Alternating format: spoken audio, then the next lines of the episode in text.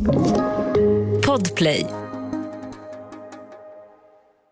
Klara, Ja, hej. jag är på så fruktansvärt dåligt humör. Varför? Hej hej. Nej men för, alltså det är så himla basalt men kollektivtrafiken förstör mitt liv. Nej. Ett, jag har officiellt fått corona för att hela Stockholm har blivit totalt corona lobotomerade så att de bara går runt och hostar mer än någonsin. Mm. Och jag bara, jag bor för långt ifrån mitt jobb för att gå dit. Det går liksom inte. Jag måste ta bussen. Mm. Vad gör SL då? Jo, de ställer in min buss. De har tagit bort busslinjen. Varför? Jo, för att de gjorde en planeringsmiss när de gjorde den där jävla guldbron. Mm. Så att nu har de bara keffat till hela jävla keff-situationen då. De är så jävla Men då vill jag bara påminna, vad var det jag sa där någon gång för några månader sedan när eh, SRL SL gick ut och sa åk inte med oss om du inte absolut måste.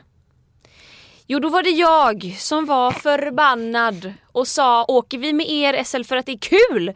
Eller åker vi med er för att vi måste ta oss någonstans? Och jag hör ju hur tuntigt det är att gnälla över en sån här sak men det är så många olika aspekter i det som förstör kvaliteten på min dag. När man tar sig till jobbet det kan liksom vara antingen en pina och då kommer du troligtvis se dig om efter ett annat jobb eller en annan bostad eller vad som helst för att liksom för, förminska det. Och om du lyckas få till det här magiska gyllene eh, harmoniläget som jag då ändå hade lyckats med, då vill du gärna ha kvar det. Och nu är det borta. De har slitit ifrån mig som ett nyfött barn och här står jag kvar och blöder om mina fingrar och Jag har en teori om hostningar i kollektivtrafiken. Jag tror för det första att folk som har haft corona slappnar av helt och tänker att de inte kan få det igen. Men sen eh, som ett ytterligare lager på den här teorin så tror jag att det är så otroligt många som tror att de har haft corona men de vet inte säkert. Men de tror det för att de var sjuka en vecka i april när man inte kunde testa sig så som man kan testa sig idag, i alla fall i Stockholms län. Jag vet inte om man kan det i övriga Sverige. Men... För jag har märkt att det är så himla många som bara, jag hade corona i maj men jag hade inte antikroppar. Men så kom det ut en studie från Karolinska bara förra veckan där de sa att alla testade alla som hade testat positivt för corona hade sedan utvecklat antikroppar. Och sen vet vi inte hur länge de sitter i kroppen såklart. Valid point, absolut. Men jag tror att det är så jävla många människor som var så jävla coronakåta i våras som spred alla de här rubrikerna om att 16-åring fick corona, lungorna sprack eller sådana klicksökande hittepå-rubriker som tyckte att det var så jävla spännande att vi hade en pandemi. Som blev lite förkylda, som låg där i sin självömkan och tänkte herregud, jag måste ha corona för det finns ju inga andra sjukdomar i hela världen. Och nu sitter alla de människorna på min morgonbuss som nu Precis. inte ens finns längre. som hostar för att de tror att de har haft det, de tror att de har antikroppar men de har inte ens testat sig. Och de är övertygade om att de är skyddade. För vet du vad jag tycker är det jobbiga? Det är att i början av året, där april, mars, då var det så otroligt legitimt att välja bort vissa saker due to Miss Rona. Och nu upplever jag att det inte är det längre. Det finns ett ifrågasättande nu. Där jag hade en situation för några veckor sedan där det till exempel var att, att eh, jag blev inbjuden till en grej med massa människor som jag vanligtvis inte umgås med. Och jag vill inte gå på den grejen. Och hade det varit i mars, april så hade det varit helt okej att bara säga att jag är lite nojig, jag vill helst inte komma på den här grejen. Men nu fick jag en tillbakakaka direkt och frågan varför kommer du inte?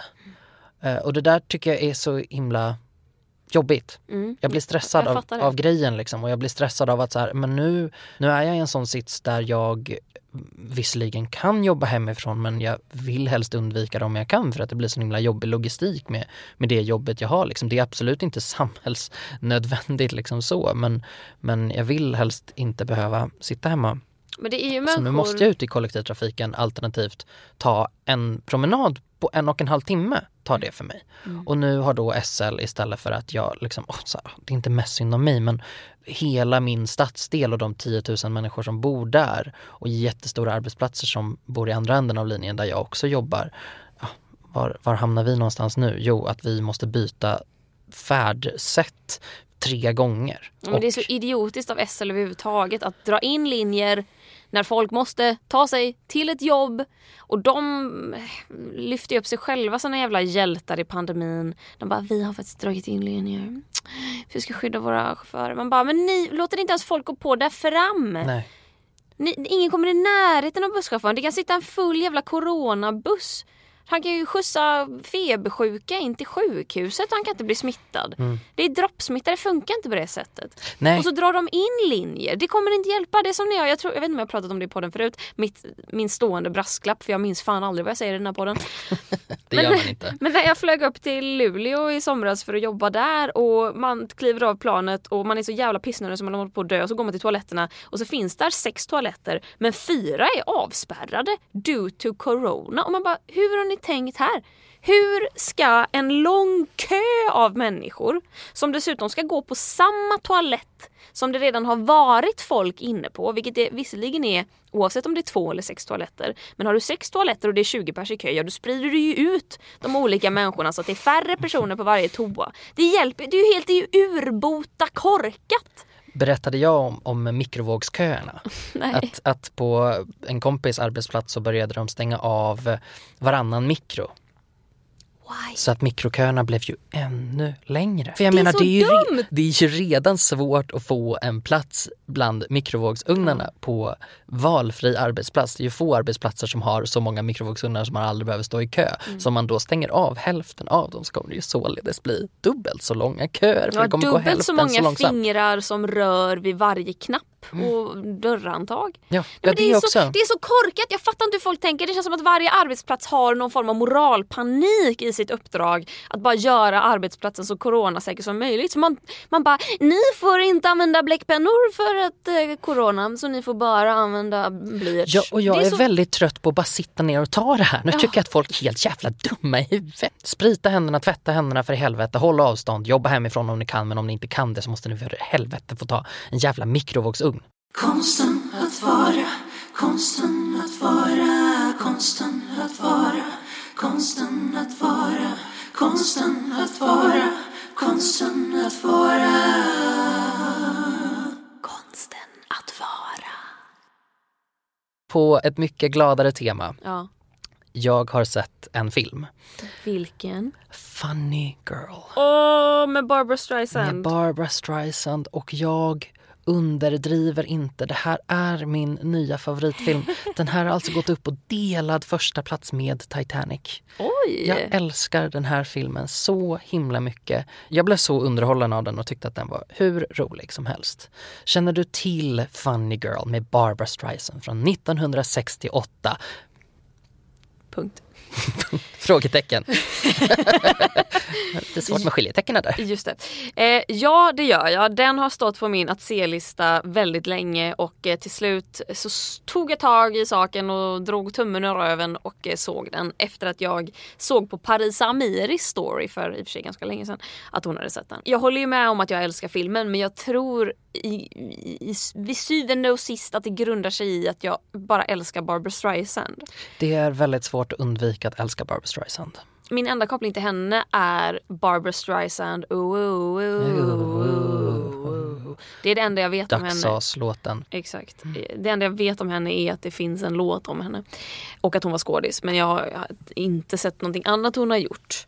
Men hon har den mest briljanta komiska tajmingen i hela världen Det genom alla tider. går inte att beskriva. Den här filmen, jag vet inte, jag vet inte ska vi beskriva hur, vad den går ut på Ja, innan vi går in vi. på hur otroligt fantastiskt jävla underbar hon är i den. Ja. Det handlar alltså om en tjej, tada, Barbara Streisand, som är väldigt, väldigt rolig. Men punchline i filmen, väldigt, väldigt ful. Den, den, och där, redan där är man ju bara, vänta, vänta. Det är som oh, ett Jesus running Christ. gag att Ah. hon skulle vara så hideous. Hiskeligt jävla fugly. Men, men hon är ju extremt jävla vacker. Hon är Jag ju fattar inte. Alltså Idealen på gudomligt 60-talet. vacker. Ja, hon är ju jätte, jättefin. Men är det för att hon har en stor näsa? Är det Ja, det hon har en de stor sig näsa, hon är ganska kort. Och det, det, är liksom, det är väldigt starka ideal som råder i den här filmen. Men den går ut på att hon försöker göra sig ett namn inom musikalscenen och eh, misslyckas Mm. till en första början. Men lyckas med sin fantastiska personlighet och sin komiska timing. För hennes misslyckanden är ju någonting som inte rör henne i ryggen. Hon är ju den man vill vara. Hon kan slänga sig ut. Hon, hon, hon ansöker om en plats på en teater som balettdansös. För att hon har då hävdat att men jag kan dansa ballett bara för att hon ska få en plats där. Men hon kan ju absolut inte dansa ballett. Hon kan knappt gå. Hon kan knappt stå. Och Det är sant. det är sant! Och hon blir ju givetvis påkommen omedelbart och blir utskälld och hon eh, försöker sig då på att säga att men jag kan ju åka rullskridskor istället för att få en annan plats. Och det kan hon ju absolut inte heller men det visar sig att hennes fatala misslyckanden och hennes totalt obrydda, kanske till och med lite naiva sätt att se på saken är nyckeln till en stor framgång.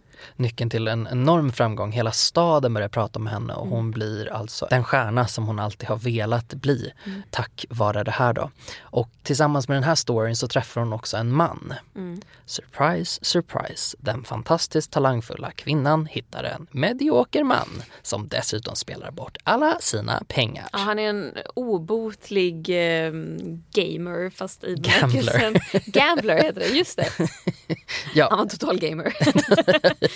Ja, i, i det måttet mätt så, så var han en gamer. Mm, exakt. Och han är ju en sån person som man liksom, det är klart man hejar på dem i hela historien men man hatar ju honom.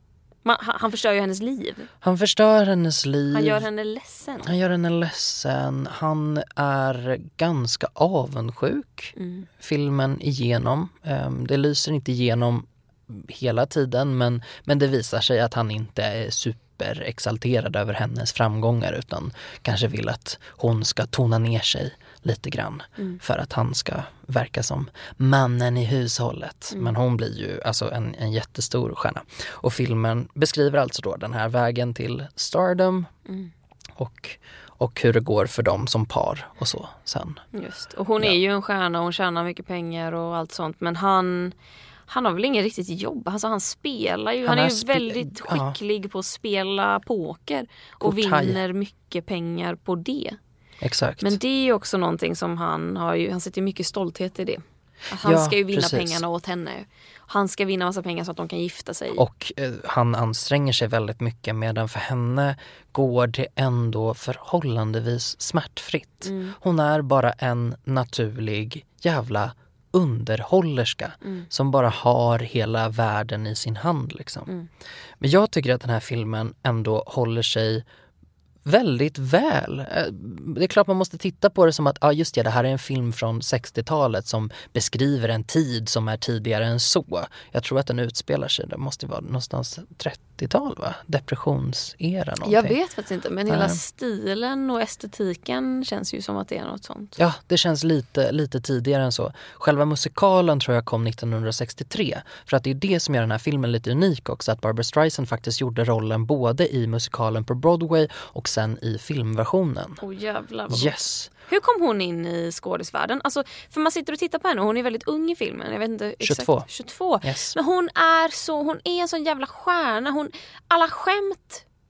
Alltså jag, Ja. jag skrattar inte högt Nej, åt jag skämt på film. Uh, Knappt i modern tid men absolut inte gamla filmer så som den här faktiskt är. Men fan vad jag sitter och garvar åt den. Hon är så rolig. Hela hennes sätt rolig. och kroppsspråk och betoningar och hennes sätt att liksom bara rycka på. Ansiktsuttrycken.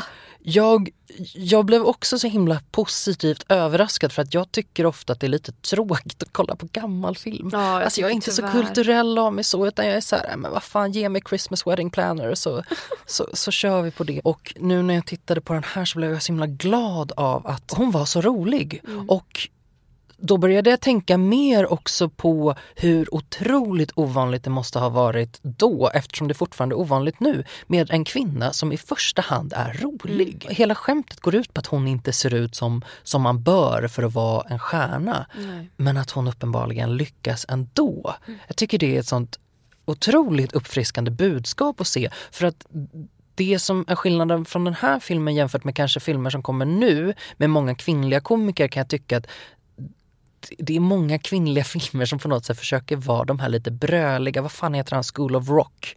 Det är mitt värsta Jack exempel Black. på Jack Black. Så det tänker jag jag, liksom att det är många sådana kvinnliga komedier liksom som känns som att ja, men de har tittat på, på en Jack Black-film från 2004 och försökt göra om det. Liksom. Alla mina ex-pojkvänner har haft Jack Black som främsta så här, actor, alltså topp ett skådespelare de älskar.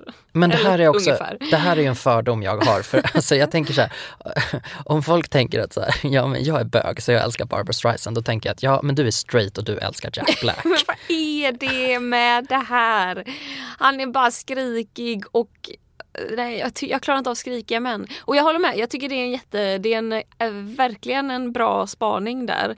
Jag tycker också att roliga kvinnor tillåts vara roliga idag just för att de är fula och det kan vara ett lite eh, tröttsamt narrativ. Då de vara liksom- så äckliga också. Då ska det vara liksom Amy Schumer som på något sätt ska vara så här, ja men så lite, lite sup ut och hon är liksom, det, Ja. det blir så otroligt stort fokus på hur ful hon är. Exakt. Här är det lite mer en Ja klackspark men och att hon något sätt. förstärker det också genom Mm. att bara så här, ja men, eh, ja men retoriken att liksom de är typ så här ofta typ tjocka. Jag tänker Fat Amy i eh, Pitch Perfect. Mm. Hon kallar sig själv Fat Amy så att inte skinny bitches like you do it behind my back. Eh, men hon tillåts vara så jävla kul. Men en stor del av humorn ligger i att hon äter mycket. Samma med Amy Schumer. Hon har väl också skämtat om att hon är en storlek 38. Och storlek 38, gud förbjude, det är ju alldeles för stort. Eller om det till och med var att hon blev så trött på att folk kallade henne tjock att hon bara, jag är faktiskt storlek 38. Eh, och att 38 är väl, alltså Någon slags medium. Ja det är väl, jag, jag har ju 38 på brallor. Eh, och det är ju inte speciellt stort. Eh, men det, i USA är det väl tydligen, då är man ju morbidly obese. Men eh, att eh, det här liksom att, det skulle, att du, ska du vara kul då kan du gud förbjude inte vara normativt snygg. Men det som är kul med Funny Girl är ju att narrativet i filmen är att hon är så jävla ful. Men det som är kul är att hon är ju inte det. Hon är ju otroligt vacker. Hon är ju hela tiden fixad. Hon har de här coola klänningarna på sig och fina håruppsättningarna och hon är så perfekt sminkad. Och det enda icke-normativa med henne är väl att hon har en näsa som är lite större men det finns Hon är ju lite ingenting. skelögd också. Ah, det har jag Det är en tänkt på. typisk sån grej som, som, som man brukar skoja om när man skojar om henne. Är det så? Ja, att hon, att hon eh, vad fan, heter det skelögd när det går ihop? Ja. Eller är det åt sidorna? Vindögd är utåt. Vind, aha okej. Oh, gud. Men det, det har inte jag sett en enda gång i och för sig. Men däremot hon kanske har lite så här ojämn tandrad. Men, men det är ju sånt, alltså det. folk Nej. har det. Det är Ja. ingenting som är så här att folk bara ojämna tänder, fult. Nej men man ser ju en jättestor skillnad på henne och de andra dansarna Mm. framförallt som är i den här filmen. Att alla de är liksom två decimeter längre än hon och de är kurviga på ett annat Mm. sätt. För jag tänker på 60-talet så var det ju också så här, ja du kunde vara, du kunde vara twiggy-smal liksom. Men det fanns ju fortfarande ett ideal eh, Marilyn Monroe, liksom höfterna och de här dansarna som är med i filmen är ju amazonkvinnor allihopa liksom. Så att hon, hon sticker ju ut från det idealet så. Sen tittar ju vi med våra glasögon och tänker så här, men gud hon är gorgeous liksom. Men i det prismat 60-tal så, så kanske hon ser konstig ut. Någonting som jag reflekterade väldigt starkt över vid sidan av att jag hela liksom, filmen igenom satt och tänkte Gud vad jag känner igen mig själv i henne. Eh, och vad jag både, både kan se delar av mig själv i henne men också vad jag önskar att jag var mer så som hon är. För övrigt något jag önskar mer av film generellt. Att det vore så jävla gött om man bara fick lov att se sitt eget kön representerat lite oftare i en huvudroll som inte bara är snygg och sexig. Men också att det som jag parallellt kunde reflektera över var att det är ju väldigt mycket kvinnor i den här filmen som är på teatern och de åker liksom rullskridskor i olika formationer och de är eh, olika brudar i en teateruppsättning och de är balettdansöser och dansare. Och att jag tänkt att de alla spelar kvinnor. I bemärkelsen att vi har skapat en konstruktion av vad det innebär att vara kvinna. Du ska röra dig på ett visst sätt och du ska Visst. prata med de här rösterna och du ska vara sensuell och mjuk och vacker.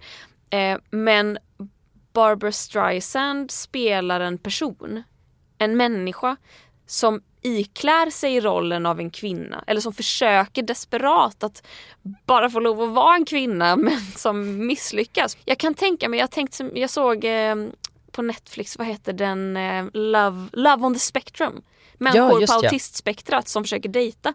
Ja. Att eh, de här människorna har liksom det här som vi, sociala koder och sånt som kommer väldigt naturligt till oss. Det är någonting som de behöver lära sig. Och det är ju någonting man aldrig har reflekterat över när man aldrig har behövt lära sig hur man bjuder in till samtal eller diskret visar ett intresse för någon eller vad det nu än kan vara. Och jag föreställde mig hur Fanny Bryce då som Barbaras roll i den här filmen heter, hur hon är inom citationstecken autistisk på ett könsspektrum. Hon bara är men hon behöver lära sig hur man är en kvinna. Visst. Eh, och det går inte för henne, hon har jättesvårt för det. Hon kan inte vicka på höfterna i en fin kjol. Hon gör inte det. Då stoppar hon in en kudde under klänningen istället och låtsas vara gravid. Mm. Vilket är jätteopassande i Otroligt hela den här på den här, teaterföreställningen. på den här tiden också. Mm. Så de skojar jättemycket om det, att hon har en bröllopsklänning på sig och är gravid samtidigt. Det är liksom det sjukaste de kan tänka sig. Mm. Ja, det, jag tyckte det var uppfriskande. Mm, ja men jag förstår det. Det hade varit uppfriskande om den kom idag. Ja, men jag tycker också det. Det roliga med den här filmen är ju också att den är, eh, den är faktiskt baserad på verkliga människor. Så även om Fanny Bryce då, som, som har funnits på riktigt, kanske inte har gått igenom exakt de här sakerna så, så har de ändå dragit paralleller från verkligheten. Är det jag så? tycker är så det himla- visste jag inte. Nej, det tycker jag är superroligt eftersom det är en sån fantastisk film på det sättet att den inte den är ju inte verklighetstrogen på det sättet utan det är väldigt magiskt alltihopa. Hon blir en stjärna och de köper sig ett stort hus och de här dräkterna de har på sig i, i uppsättningarna är helt fantastiska liksom. Nej men jag tycker verkligen, jag, jag, jag är så glad att du, att du har sett den. För mig har den verkligen gjort skillnad liksom. Mm. Jag kommer se om den flera gånger om och jag är jättetaggad på att göra det faktiskt. Det var så kul det här med, eller det var väl inte kul men det är ju ah, spännande och lite tröttsamt det här med mm, avundsjuka män. På, Mm. Som är avundsjuka på det faktum att det går bra för deras kvinnliga partners. Gud ja. För det är ju inte första gången man ser det. Det känns som att det är ganska ofta man ser det i samhället. Det är ju super, super vanligt. Jag kan, jag kan dra två exempel från populärkultur som är två, två av mina favoritexempel. Det är ju då Whitney Houston som var tillsammans med en man som också var stor stjärna på 80-talet. Under 90-talet så dalade hans stjärna och, för, och hon försökte överkompensera och man kan se det i hennes tacktal under den här perioden. Att istället för att säga åh tack för det här priset, hon slog världsrekord i flest priser av en artist. Liksom. Och i, mot slutet av deras äktenskap så säger hon i princip bara, ah, det här priset är till min man Men gud. Bobby Brown, the king of R&B och alla bara, ja alltså han har inte släppt en låt sedan 89 men absolut. Och sen Mariah Carey som var tillsammans med sin chef i början av 90-talet. De skilde sig och det är en stor grej nu då när, eh, när hennes självbiografi har kommit ut och det visar sig att eh, hela den här fejden mellan henne och Jennifer Lopez i grunden består i att hennes då man blev Jennifer Lopez manager och eh, började kolla vad Mariah gjorde för grejer på sin film då, Glitter. Och höll koll på, aha, vilka låtar vill hon använda? Mm, vilka samples tänker hon ta? Och så tog han dem och gav dem till J Lo Men istället. det är ju helt sinnessjukt. Och det är så deras fade liksom, det ligger till grunden för att de två har varit en fade och att man skojar om att oh, Mariah Carey hatar J Lo.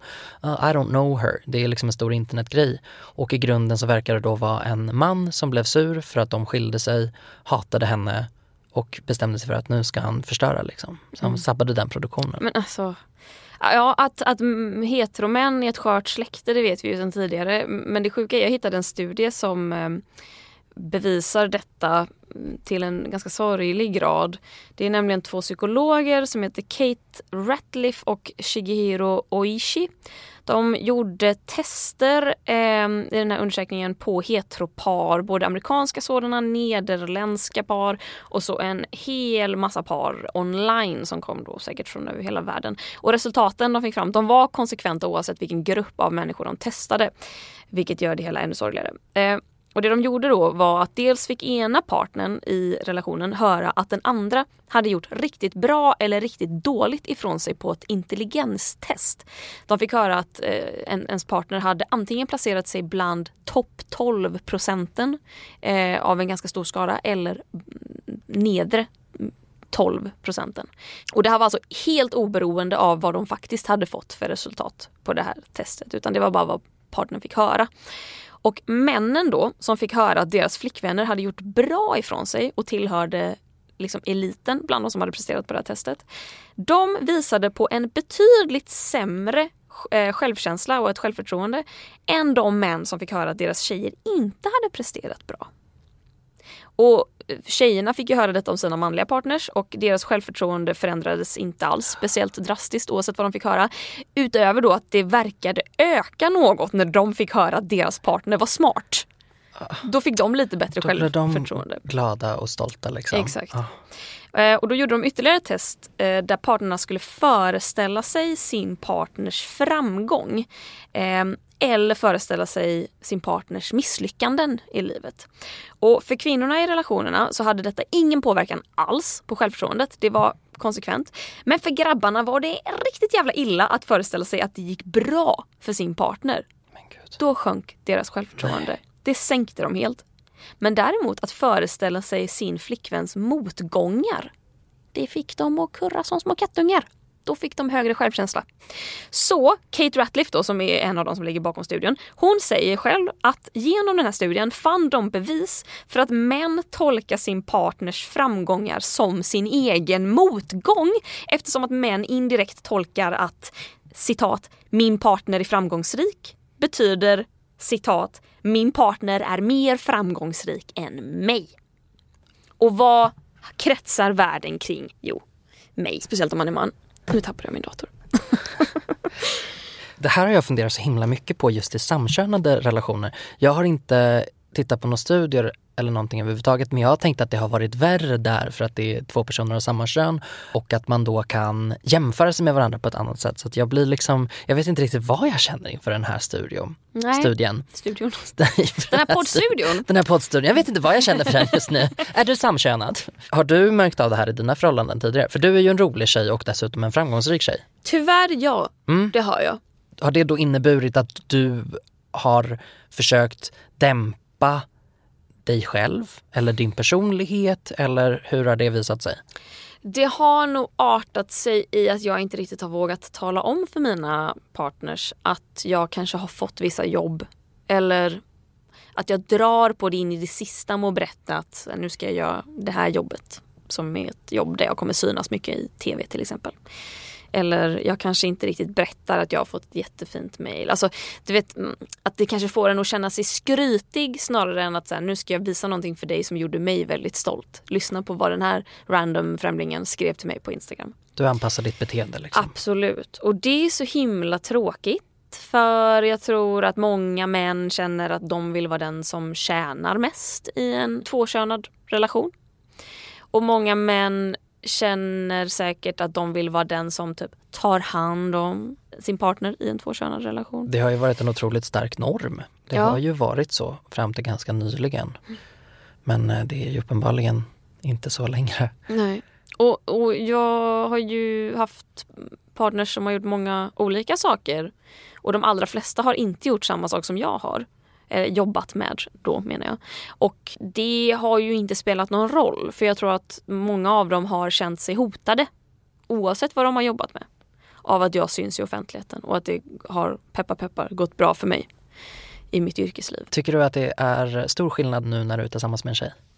Ja.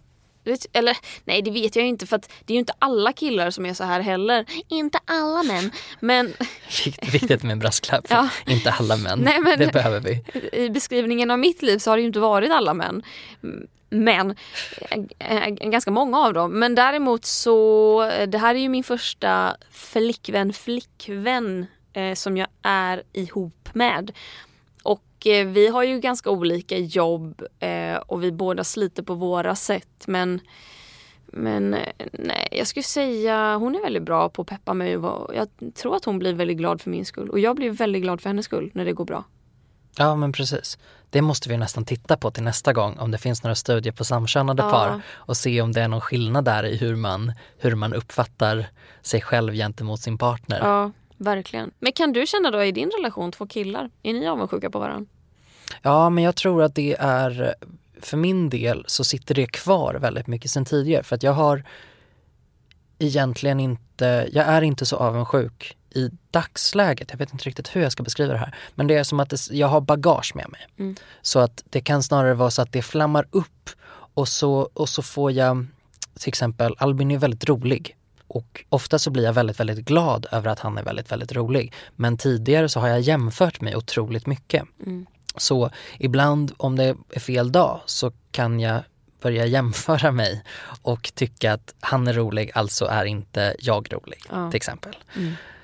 Men sen har jag en så pass bra relation så att det där går över och jag förstår att det här är inte någonting som händer i, i realtid. Det här är inte nutida känslor. Det här är saker som, som har hängt med mig väldigt, väldigt länge. Det är ingenting som jag behöver göra någonting åt utan det är så här, jag, det, det, jag märker att det fasas ut på något sätt. Liksom. Och generellt så blir jag väldigt, väldigt glad eh, för honom. Men, men jag har känt så otroligt mycket tidigare. Och inte bara i relationer utan jag har ju känt det jättemycket om jag har varit ehm, liksom bögen som är i sammanhanget och så kommer en annan bög. Och så är han snyggare än jag eller roligare än jag eller, Eller mer talangfull. smartare, Eller smartare än, än du. jag. Gud förbjude. Gud förbjude. Ja, jag tror snyggare är värre. Men där kan jag ändå känna, just i smart, eh, att de fick göra ett intelligenstest. Och sen fick de ett, ett fabricerat resultat att förhålla sig till. Jag tror helt ärligt, där, där tror jag det bor en liten snubbe i mig. Att hade min partner oavsett kön fått göra ett intelligenstest och jag hade fått höra att hen utgjorde topp 12 procenten. Då hade jag, eh, då hade jag nog blivit lite rädd. I, alltså på sättet att jag hade börjat fundera, men gud, hade jag presterat så bra? En duktig flicka kanske är en liten snubbe. Så kan För det jag vara. tror också att hade min partner placerat sig i bottom 12% då hade jag bara, jag hade nog placerat mig bättre än så. Att jag hade liksom blivit lite så här, lite mallig ändå. Och tänkt att jag hade velat göra det testet bara för att se hur det skulle gå för mig. För jag hade nog placerat ännu bättre. Men är eh, intelligens, är det det viktigaste för dig? Eller är det rolig eller snygg? Hos en partner? Ja, Nej, hos en som- som partner och- hotar mig. Ja, Jag tror, jag känner mig, jag känner mig mer hotad av allt. jag tänkte att det skulle vara en men nu var det mitt, mitt ärliga hjärta som pratade. Jag känner mig hotad av allt. det är men är bra. någon- Var ärlig. Går någon in i ett rum och är jätterolig, fan jag känner mig så jävla liten. Jag, jag känner mig så åh, obetydlig och jag måste hävda mig. Och är någon smartare än jag, det tycker jag är jobbigt. Folk får gärna vara smarta men de får inte trycka upp det i ansiktet på mig. Nej, man får inte komma och show off här. Nej, inte. nej, nej, nej, nej. Och, men att vara snygg, ah, men där kan jag också känna mig ganska hotad. Är man liksom på ett event och det är fullt med Paradise Hotel-deltagare och de är smala och stora bröst och stora läppar och långt hår. Då är jag omedelbart bara, åh jag är så ful. Varför? Hur, vem har skadat mig? Hur blev jag så här? Jag vet inte. Patriarkatet. Ja men typ. Faktiskt. Men jag tror också det är för att jag är en liten snubbe ibland. Men jag är så glad att du ändå är ärlig om det där för att det är så himla lätt att, eller jag tycker att det är läskigt ibland när man, när man erkänner de där fula sidorna hos sig själv. Liksom, att man faktiskt bryr sig om, om det kommer, om det glider in någon och är roligare och snyggare än en själv. Liksom, Att det kickar igång ett litet monster i en. Och sen så kanske man blir bättre och bättre på att hantera det monstret och kanske säga, "Shh, shh, shh, det är lugnt, lägg det ner igen. Somna Jag tror, vet du vad, nu när jag tänker efter. Om jag tänker så här, om någon kommer in i ett rum och är skitsnygg så att jag känner mig lite hotad. Men så visar det sig att personen är, är Dum. dum och tråkig. Då försvinner hotet direkt. Ja, då försvinner hotet. Kommer Mm. någon in och är smart men ful och tråkig. Då känner jag bara, good for you. Mm. Du, du är i alla fall smart. Men kommer någon in och är rolig men är dum och ful. Då, då är jag fortfarande lika hotad. Då är jag jätterädd. Då, då får jag mindervärdeskomplex Ah. och mår skit. Så den tror jag faktiskt är värst, att någon skulle vara roligare än mig. Och det är ganska många som är det. Alltså om inte majoriteten. Jag känner mig ganska tråkig när jag är i mitt vardagliga liv. Jag, jag är så himla inkonsekvent med det där så att jag kan vara en rolig tjej emellanåt men inte alltid och då känner jag mig väldigt dum och misslyckad om jag inte har lyckats leverera en sån dag. Just när den här guden glider in liksom för att det blir ju en gud i mina ögon. Att alla älskar honom och han är så himla lång och jag är så kort och ful. Nu kommer alla gå hem och tänka att han var så rolig och Mm. någon hem och tänker att jag är rolig. Jag tror inte det. Då, då tycker jag det är så himla jobbigt också för att jag, min spontana reaktion blir ju inte att hävda mig mer då utan det blir att jag backar bakåt. Och så blir jag så här, "Ah, nej, nej titta, det är ingen som skrattar åt mig nu. Man bara, nej men det Jävla fittnylle. Det är klart att ingen skrattar åt dig. Du säger ju ingenting. Du har ju lämnat rummet. Jävla dumhuvud. Det är klart att ingen skrattar åt dig då. Jävla fittnylle. Jag har ett alldeles, alldeles, alldeles underbart moment of the week. Shoot! Ja, som man kan ha sett om man följer mig på sociala medias så var jag uppe i Hälsingland. Ja. Åh. Det var eh, vilt omdebatterat i Facebookgruppen Konsten att vara. Och då menar jag att det var en person som skrev ett inlägg om att han hade sett dig eh, uppträda och din pappa svarade på det. Ja, min pappa Så jävla fint. Ja, det var fint. Jag och min trio, Beata och Helen, åkte upp till Hälsingland där Beata har ett gods. Och eh, Albin följde med. Och det här var alltså en sån fantastiskt mysig, jävla rolig kolloupplevelse och jag har saknat att ha roligt på det sättet. För att så roligt har inte jag. För att det jag tycker är roligt i vanliga fall, det är ju typ så här jag läser en god bok. Idag har jag tagit en promenad. Och man bara, det är ju inte kul på riktigt. Kul på riktigt är ju att man typ så här, jag har citerat hela Aladdins första scen utan att veta vad de säger egentligen i en halvtimme i bilen och skrikit och tjutit av skratt. Det är ju att ha roligt. Så den här helgen då när vi åkte upp var bara Alltså så jävla härlig. Jag tänkte inte på någonting annat än att vara där och sjunga. Vi åkte upp på fredagen, vi hade konserten på lördagen och då kom också vår kompis Arvid och spelade piano. Vi repade igenom hela setet.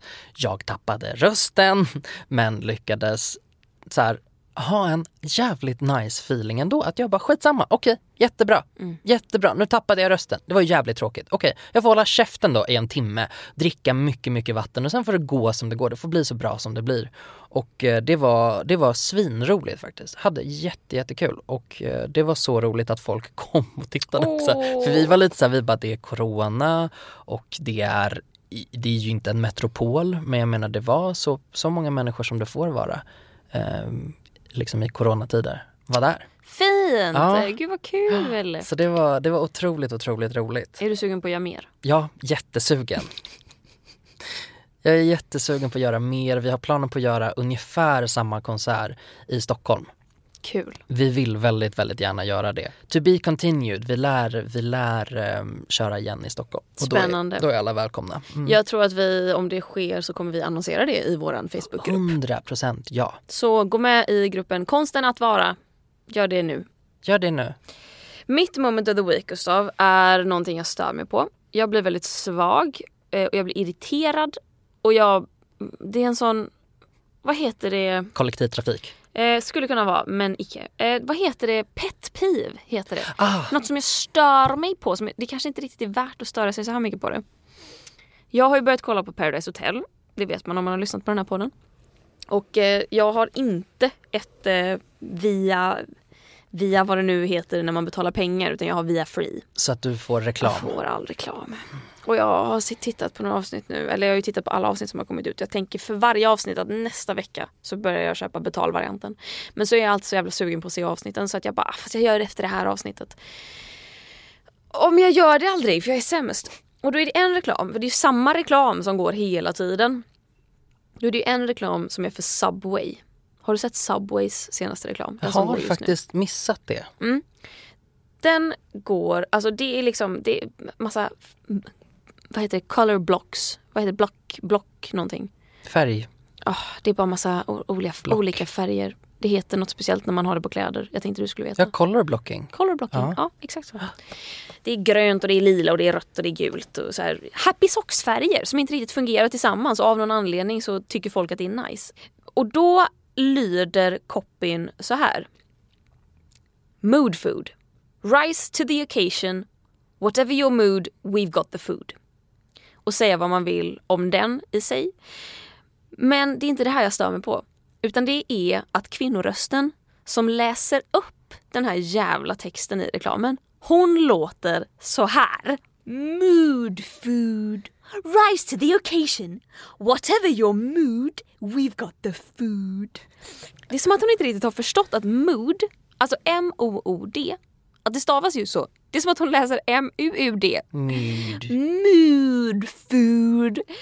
Jag får krupp, jag måste stänga av ljudet på tvn varje gång den här reklamen kommer. Om jag har lämnat soffan för att gå och typ ta en kopp kaffe eller någonting, vilket jag ofta gör i pauserna, då måste jag springa tillbaka alternativt hålla för öronen och lalla högt för mig själv. För jag klarar inte av att höra denna jävla människa säga mood food. Mood food.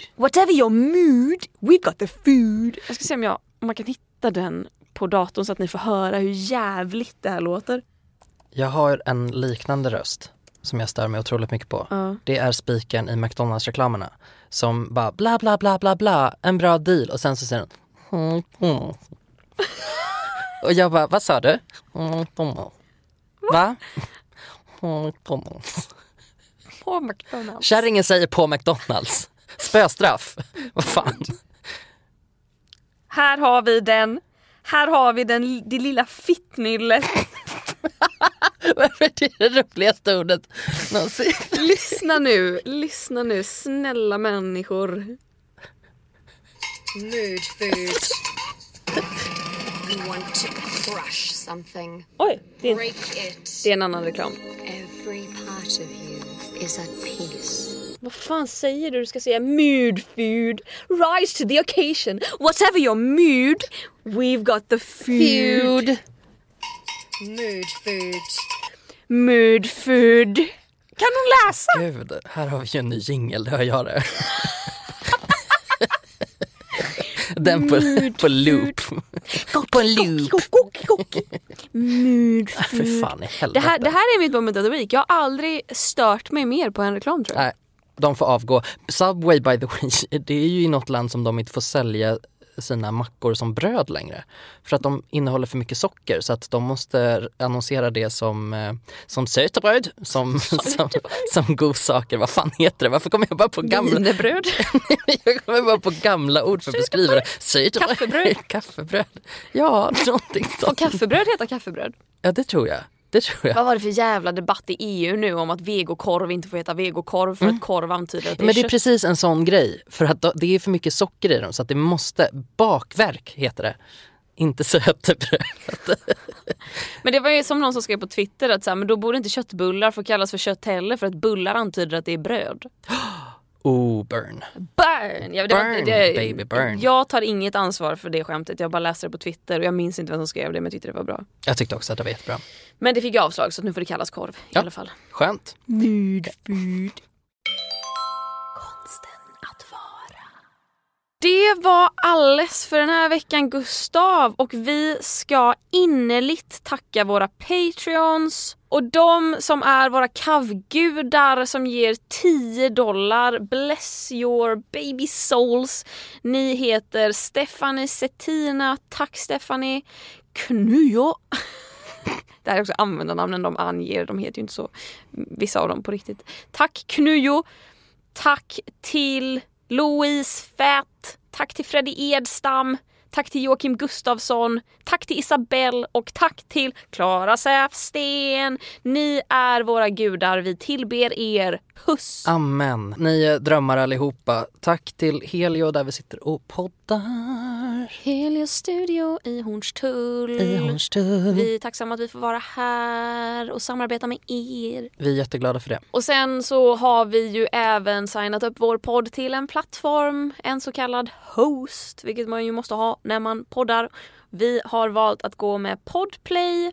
Så eh, tack så mycket Podplay för att vi får lov att vara hos er. Vi uppskattar det väldigt mycket. Tack för den här veckan, Klara.